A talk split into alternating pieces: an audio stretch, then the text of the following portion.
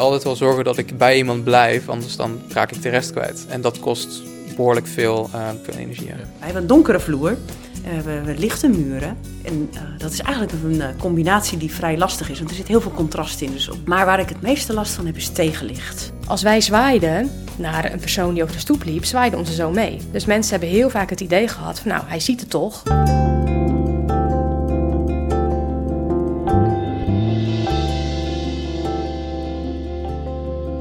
We begonnen met Casper, Joan en Jantine, met wie ik deze keer ga praten over albinisme.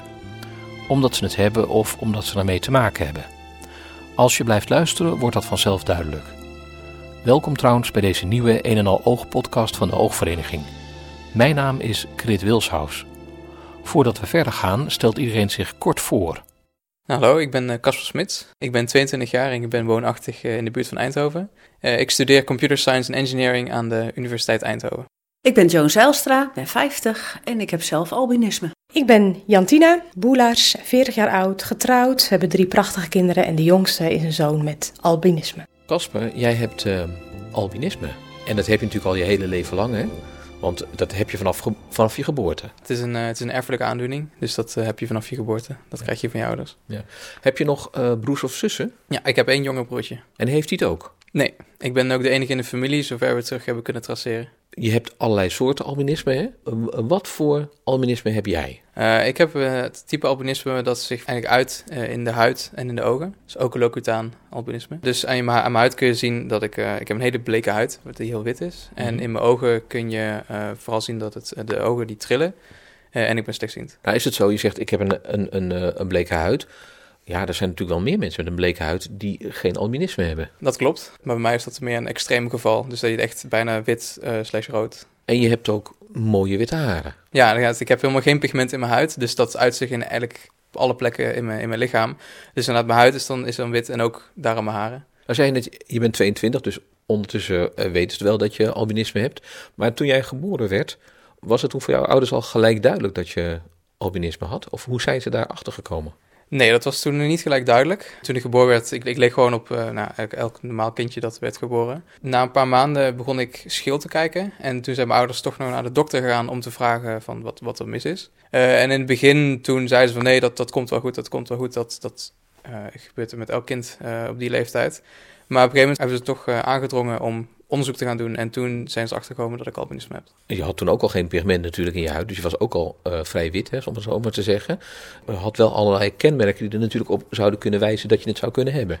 Ja, ja inderdaad. Dat, die, die, die blanke huid die had, al, had al één kenmerk. En uh, ook dat mijn ogen begonnen te trillen. Dat was uh, zeker een, een, een, kenmerk dat mijn ouders op een gegeven moment zeiden van... er is misschien toch wel iets mis. Mensen met albinisme, zijn die altijd slechtziend? Grotendeel wel. maar het varieert heel erg hoe, in hoe, hoever je slechtziend bent voor, elke albino. In mijn geval, ik zie 20%. Dus dat betekent dat ik mensen op ongeveer een paar meter afstand uh, al niet meer kan zien. Of in ieder geval dat ik de gezichten niet meer kan herkennen. Uh, maar ik heb ook een aantal kennissen waarvan uh, de waarvan die maar uh, 15 of 10 procent zien. Maar het kan heel erg variëren.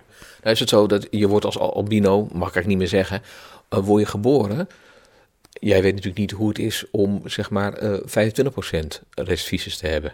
Nee, inderdaad. Dit heb ik al mijn hele leven. Dus ik heb eigenlijk geen enkel idee hoe het is om wel goed te kunnen zien of meer te kunnen zien. Mm -hmm. Dus in die zin ben, is dat wel een, een redmiddel voor mij. Want omdat ik niet weet hoe het is om beter te kunnen zien, is dit maar mijn standaard geworden. Ja. En bijvoorbeeld op, op de lagere school, de middelbare school, had je er toen last van of helemaal geen last van? Of hoe, hoe deed je dat? Ja, je hebt er altijd wel echt last van dat je weinig ziet. Uh, daardoor moest ik altijd vooraan in de klas zitten, anders dan kon ik de les ook niet volgen. Ook nu op de universiteit uh, moet ik ook altijd vooraan zitten, anders dan kan ik het college niet volgen. Mm -hmm. Je moet altijd gebruik maken van hulpmiddelen, zoals denk aan een, een telescoopje die je meeneemt in je zak als je het toch niet kan zien. Uh, maar denk bijvoorbeeld ook aan als je bij de snackbar bent, als je iets wil bestellen en ja. de, de, de, menu staat achter, dat, dat kan je ook niet lezen. Dus dan ja. moet je alweer mensen gaan vragen om, om hulp. Er zijn natuurlijk ook mensen die niet zien dat je slechtziend bent, hè? Nee, het valt inderdaad niet op. Uh, ik draag een bril en daardoor denken mensen vaak meteen dat ik goed zie. Ja. Uh, wat, wat niet het geval is in, voor mij. Dus daardoor maken mensen vaak de aanname dat ik gewoon goed zie en uh, valt er niet op dat ik slecht zie. Jantine Boelaars en haar echtgenote kregen samen twee dochters. Daarnaast besloten ze een kindje uit China te adopteren. En hebben jullie bewust voor een kind met albinisme gekozen of is dat toevallig zo gekomen? Ehm, we hebben wel heel, heel bewust gekozen voor een kindje met een beperking. Ehm, want die wilden we gewoon graag een kans eh, geven. Nou, en dan gaat zo'n balletje rollen en wordt de vraag gesteld: we hebben een kindje met albinisme, zie je dat zitten? Zijn we ons daarin gaan verdiepen, maar goed, nog niet helemaal doorhebbend wat dat voor hem betekent. Nee, want je wist wel wat het was. Ik wist redelijk wat het was, maar ook nog niet alles. Nee, nee. en al, aldoende ontdek je, dus toen we hem kregen, hij was elf maanden oud. En nou, je krijgt hem mee en dan uh, merk je dus die lichtschuwheid. Dat was een van die eerste dingen die opvielen, dat hij in de donkere plek van de kamer ging uh, spelen. Uh, maar ook dat we heel vlug gemerkt dat hij het non-verbale stuk van ons, dus als wij onze ogen fronsten of eens een keer boos naar hem keek of heel blij, dat hij daar niet op reageerde. Want nee. zijn visus is zo 6 à 8 procent. Ja. Maar hadden ze dat van tevoren gezegd tegen jullie? Van denk eraan, uh, hij heeft albinisme, maar hij, hij, ziet ook heel slecht. Albinisme wil ik ook zeggen van ja, sommigen inderdaad die zien heel weinig, zo 5%, variërend tot misschien wel 30 à 40. Dus daar zit nogal een grote, groot verschil in. En hij was nog maar 11 maanden, dus is het ook nog moeilijk te meten. Ja. Uh, dus hoe ouder ze worden, hoe meer je het inzichtelijk kan maken. Dat is een leuke woordspeling. ja, ja, ja, ja, ja, ja. Ja, en voor hem is het natuurlijk allemaal heel gewoon. Ja, het is voor hem gewoon. Hoe ouder hij wordt, hij uh, is nu bijna acht, uh, gaat hij natuurlijk wel steeds merken dat de wereld ja. om hem heen wel er anders uitziet dan dat hij natuurlijk meekrijgt. Ja. Ja, daar is hij zich nu wel heel erg bewust van. Zit hij op gewone school? Sinds dit uh, schooljaar uh, niet meer. We hebben toch de keus gemaakt om hem naar een school te doen voor blinden en slechtzienden. Hij komt er toch tot rust dat hij niet meer op hoeft te bo boksen tegen die ziende wereld. Ja. En hij kan zich nu gewoon focussen op zijn leerwerk en het mag op zijn tempo en aangepast. Dus dat geeft heel veel rust. Het is een heel uh, slim ventje, maar hij heeft ook gewoon zijn kuren. En hij is af en toe ook gewoon ondeugend. En een hele gezonde jongen verder eigenlijk. Toen onze zoon uh, bij ons kwam, was het natuurlijk ook eventjes uh, zoeken van voor ons, wat houdt het precies in? Maar ook hoe nemen we de omgeving mee? Als wij zwaaiden naar een persoon die over de stoep liep, zwaaide onze zoon mee. Dus mensen hebben heel vaak het idee gehad van nou, hij ziet het toch? Nee. Hij wist, het is heel netjes om dan ook gewoon te zwaaien, want mijn, want mijn vader en moeder doen dat ook.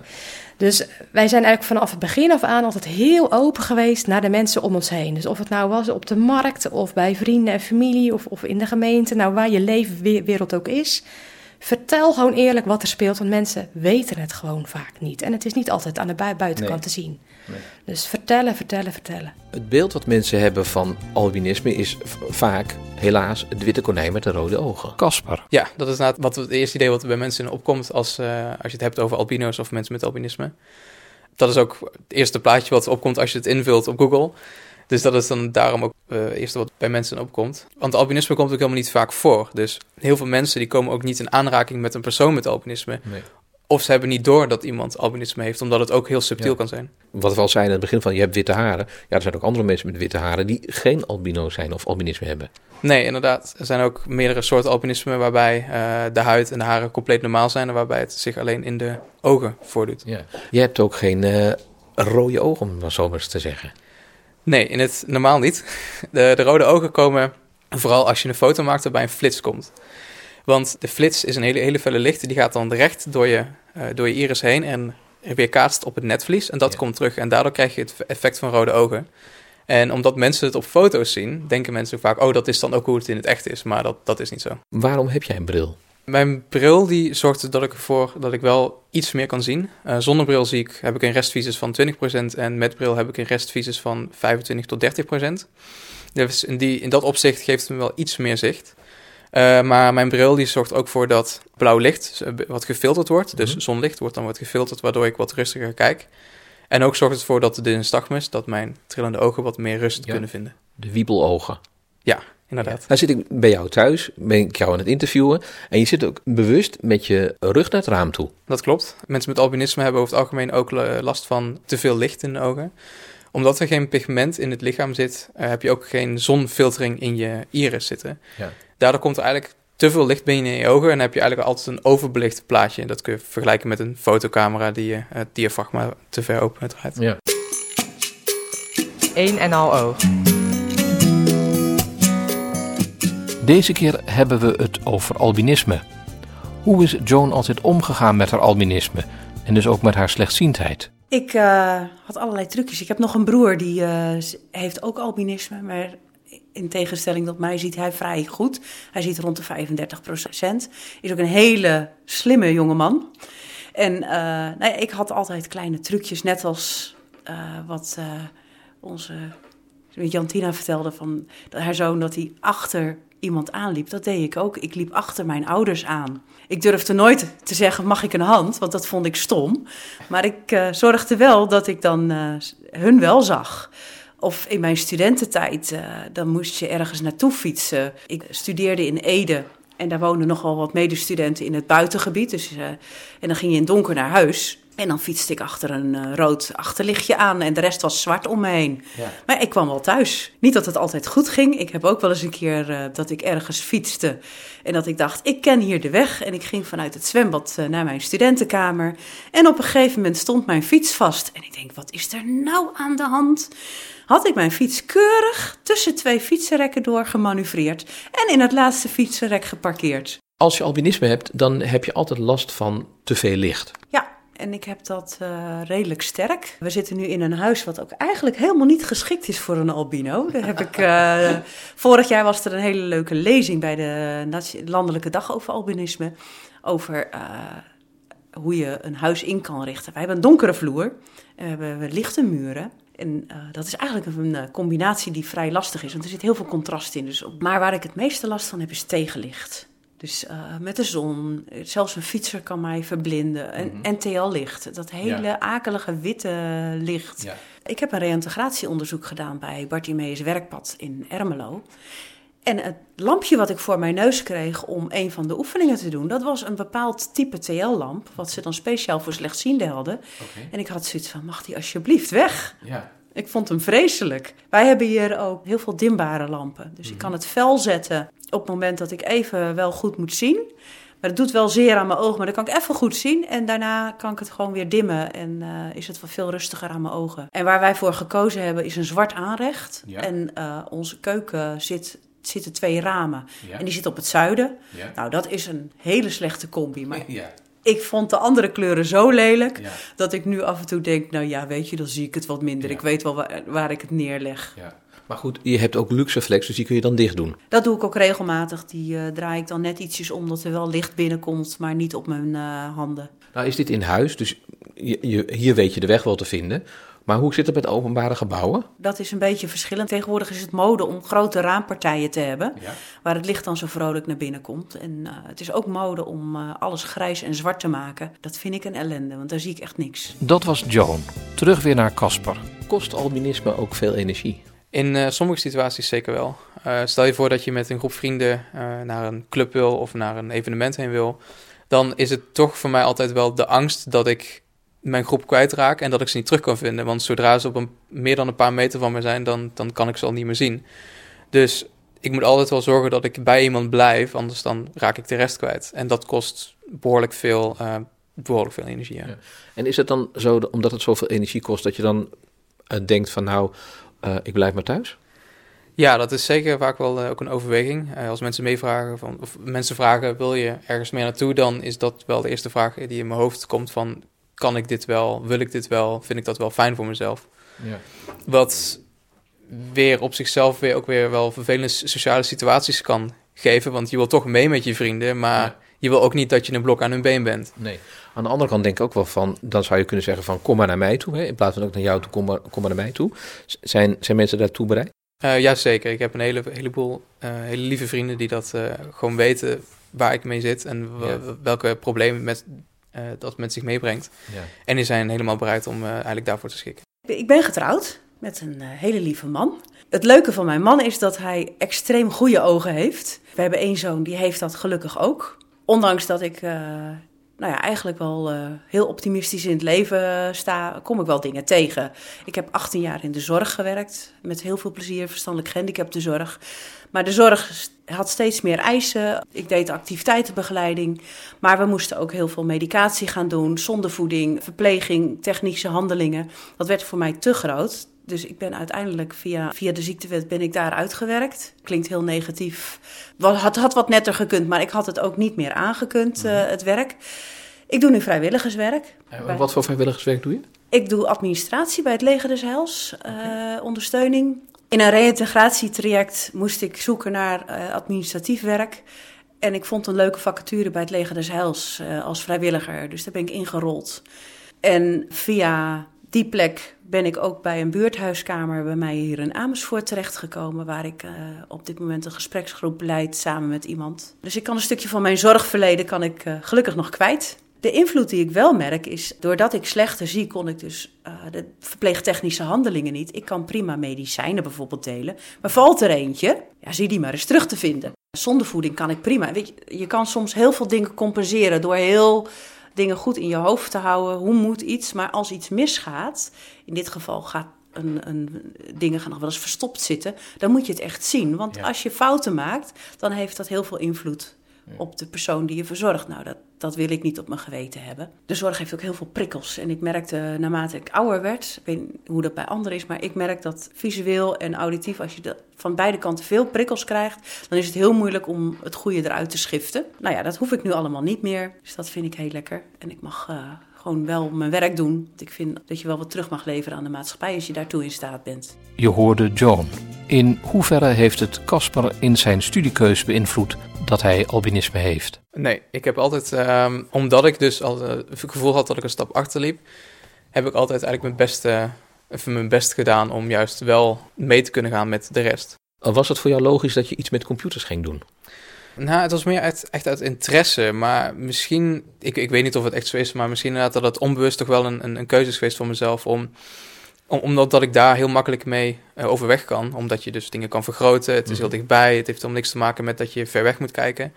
Dus misschien dat het onbewust van een keuze was geweest. Maar uh, het is altijd wel een interesse ook van me geweest om daarom uh, iets met computers te gaan doen. Ja, want de, de kans dat als je geen albinisme had gehad, was de kans ook groot geweest dat je iets met deze studierichting was gaan doen. Waarschijnlijk. Waar moet je nou als je albinisme hebt heel erg voor oppassen? allereerst de zon. Uh, omdat je dus geen pigment in je huid hebt, uh, verbrand je heel snel. Als je al in, uh, op een zonnige zomerse dag, als je dan een kwartier tot een half uur al buiten bent, dan heb je al grote kans dat je verbrand bent. Dus in de zomer is het vooral insmeren met zonnebrand, factor 50 plus het liefst. een ander ding waar je op moet letten is inderdaad vermijd, um, vermijd felle lichten. Dus we denken in het verkeer, als je in het, in het donker rijdt, uh, koplampen van auto's die tegemoet komen, dat kan al zo verblindend zijn dat je de rest van de weg al niet meer ziet. Dus uh, als ik fiets in het donker, moet ik heel erg oppassen dat ik ervoor zorg dat ik altijd wel veilig uh, mezelf in het, door het verkeer heen beweeg. Ja. Nou is natuurlijk zo, je zegt net van, dat je snel verbrandt in de zon. heel veel in de zon gaan, ook als je geen albinisme hebt, is ook niet zo veilig. Nee, überhaupt veel in de zon zitten is niet, niet goed voor je. Want als je veel verbrandt, dan heb je grotere kans op huidkanker. Dus sowieso moeten mensen zich insmeren als ze in de zon lopen. Maar bij mij is het zo extreem dat ik zo snel verbrand... dat het heel onveilig is voor mij om, om buiten te komen zonder zonnebrand. Probeer altijd wel een lange broek aan te trekken lange mouw in de zomer is ja, eigenlijk veel te warm. Dus ik, ik heb dan wel uh, wat, wat korters aan, maar dan probeer ik het altijd wel in te smeren. Ja, en dan probeer je uit de zon te blijven, uit de directe zon als het, als het kan. Ja, het liefst in de schaduw en met een petje erbij. Want als het van die hele warme dagen zijn, hè, de laatste zomers die we gehad hebben, waren echt wel uh, extreem, hè? Uh, echt warm. Hoe, hoe breng je dat dan door? Zit je dan de hele dag binnen of onder een boom of wat doe je dan? Ja, ik, uh, op zulke dagen dan zelfs in de schaduw, dan kun je gewoon verbranden. Ja. Dus het liefste blijf ik dan gewoon binnen. Je bent jong, je bent 22. Ken je nog andere jongeren die ook albinisme hebben? Ja, ik heb een paar jaar geleden ben ik uh, naar de Koninklijke Visie gegaan, de Vereniging voor Slechtzienden en Blinden. Gevraagd om in contact te komen met andere jongeren die ook uh, albinisme hebben. Want ik kende niemand in mijn directe omgeving die albinisme had. En ik vond het wel een keer interessant om met andere jongeren te gaan praten over eigenlijk of te, te, kijken of ze dezelfde problemen hadden die ik heb. Dat heb ik gedaan en sinds een paar jaar geleden hebben we nu een, uh, om de zoveel tijd hebben we een, uh, een meeting, of een meetup. Oké, want je vindt het prettig om, om ook met mensen te praten die ook albinisme hebben, omdat je daar dingen mee kan delen. Die je misschien niet kan delen met mensen die het niet hebben, omdat ze het misschien niet helemaal begrijpen. Ja, je kan, je kan problemen uitwisselen die je elkaar hebben. En dan, dan zie je ook dat jij niet de enige bent die zulke problemen eh, heeft. En misschien hebben andere mensen wel oplossingen daarvoor. Dus het is vaak wel heel interessant en uh, inspirerend om naar andere mensen te luisteren die je, je meteen begrijpen zonder dat je alles, het hele verhaal moet, hoeft uit te leggen. Een en al oog. Casper, Joan en Jantine vertellen over albinisme. Omdat ze het zelf hebben of omdat ze ermee te maken hebben. Goed dat je weer luistert trouwens. Jantine heeft, zoals je kan horen, een adoptiezoon met albinisme. Daarnaast houdt ze zich ook bezig met albinisme in Afrika. Adoptie is een kleine wereld, dus ehm, nou, we hebben daar heel wat vrienden. Um, er was een, een, een vader die heeft een foundation opgericht en die wilde iets groots doen om de mensen in Afrika te kunnen helpen. Nou, en dat grootste, dat betekende de beklimming van de Kilimanjaro. Nou, hij stuurde mij een appje, joh, is dat wat voor jullie? En dat was eigenlijk het eerste contact met de foundation. En dat balletje is gaan rollen. En samen met mijn broer hebben we ons toen aangemeld uh, voor dit goede doel. Want het raakte ons. Hè, als we de afschuwelijke verhalen horen, wat zich daar afspeelt. En uh, we keken naar onze eigen zoon, denk je, oh, het is maar net waar je eigen wiegje staat. Hè. Hij kon niet in zijn land uh, opgroeien. Maar ik denk, je zal maar in het oosten van Afrika zijn geboren. Ja. Dan heb je echt geen leven. Ja, dat zijn nog best wel een heel veel landen. Ik geloof een stuk of uh, 17 landen waarin dit uh, speelt.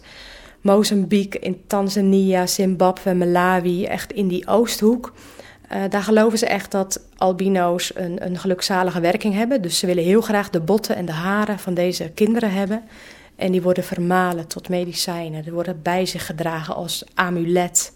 Ze willen dus de ledematen hebben. Ja. ja dus kinderen worden let, letterlijk ontvoerd ja. en ledematen worden eraf gehakt. Heel okay. gruwelijk beeld. Is daar iets tegen te doen? Ja, maar niet vandaag en morgen. Dit bijgeloof zit zo diep. Wat ik in nu zelf heb gezien, is als de overheid aan de slag gaat, dan kun je qua wetgeving natuurlijk ook iets doen. Mm-hmm. Dus alle witch-dokters worden bijvoorbeeld in kaart ja. gebracht.